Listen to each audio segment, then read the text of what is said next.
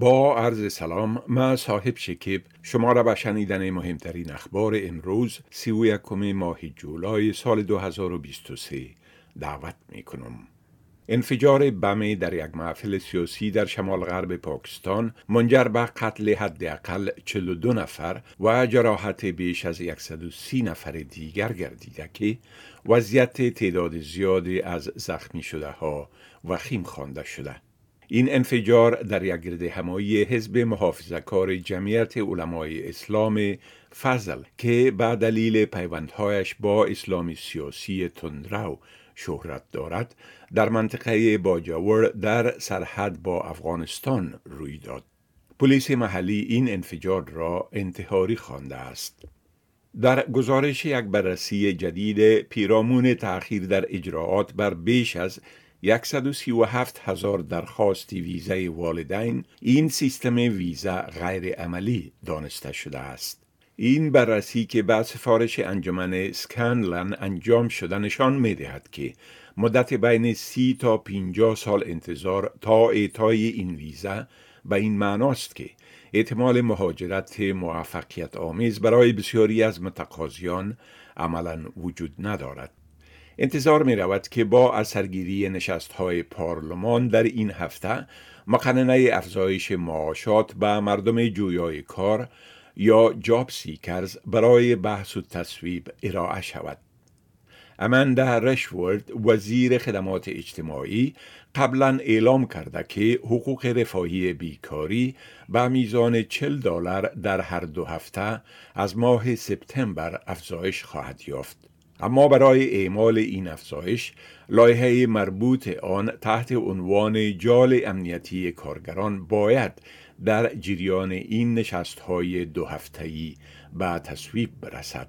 صدر اعظم انتونی البنیزی احتمال برگزاری انتخابات زود هنگام را در صورتی که حکومتش نتواند حمایت مورد نیاز برای تصویب پالیسی عمده مسکن خود را تأمین کند رد کرده است.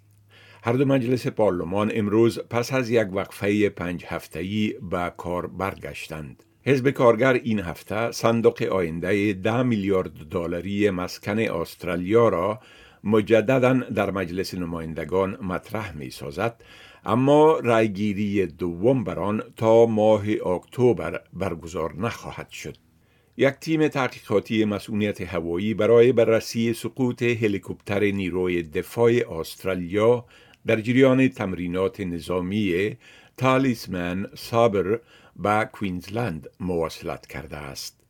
در مورد سرنوشت سرنشینان این هلیکوپتر که به حیث captain دانیل لاین، lieutenant مکسویل نجنت، افسر درجه دوم جوزف لیکاک و سرباز الکساندر نگز شناسایی شدهاند نگرانی شدید ابراز می شود. آنها به روز جمعه در هلیکوپتر تایپان سوار بودند که در آبهای نزدیک جزیره لندمان کوینزلند سقوط کرد. آژانس باختر خبرگزاری رسمی افغانستان گزارش داده که مقامات طالبان در هرات آلات موسیقی را سوختاندند. این خبرگزاری به نقل قول از عزیز الرحمن مهاجر رئیس اداره امر به معروف و نهی از منکر طالبان در هیرات گفته که این آلات موسیقی را محتسبین اداره مذکور از شهر و ولسوالی های این ولایت جمع آوری کرده بودند.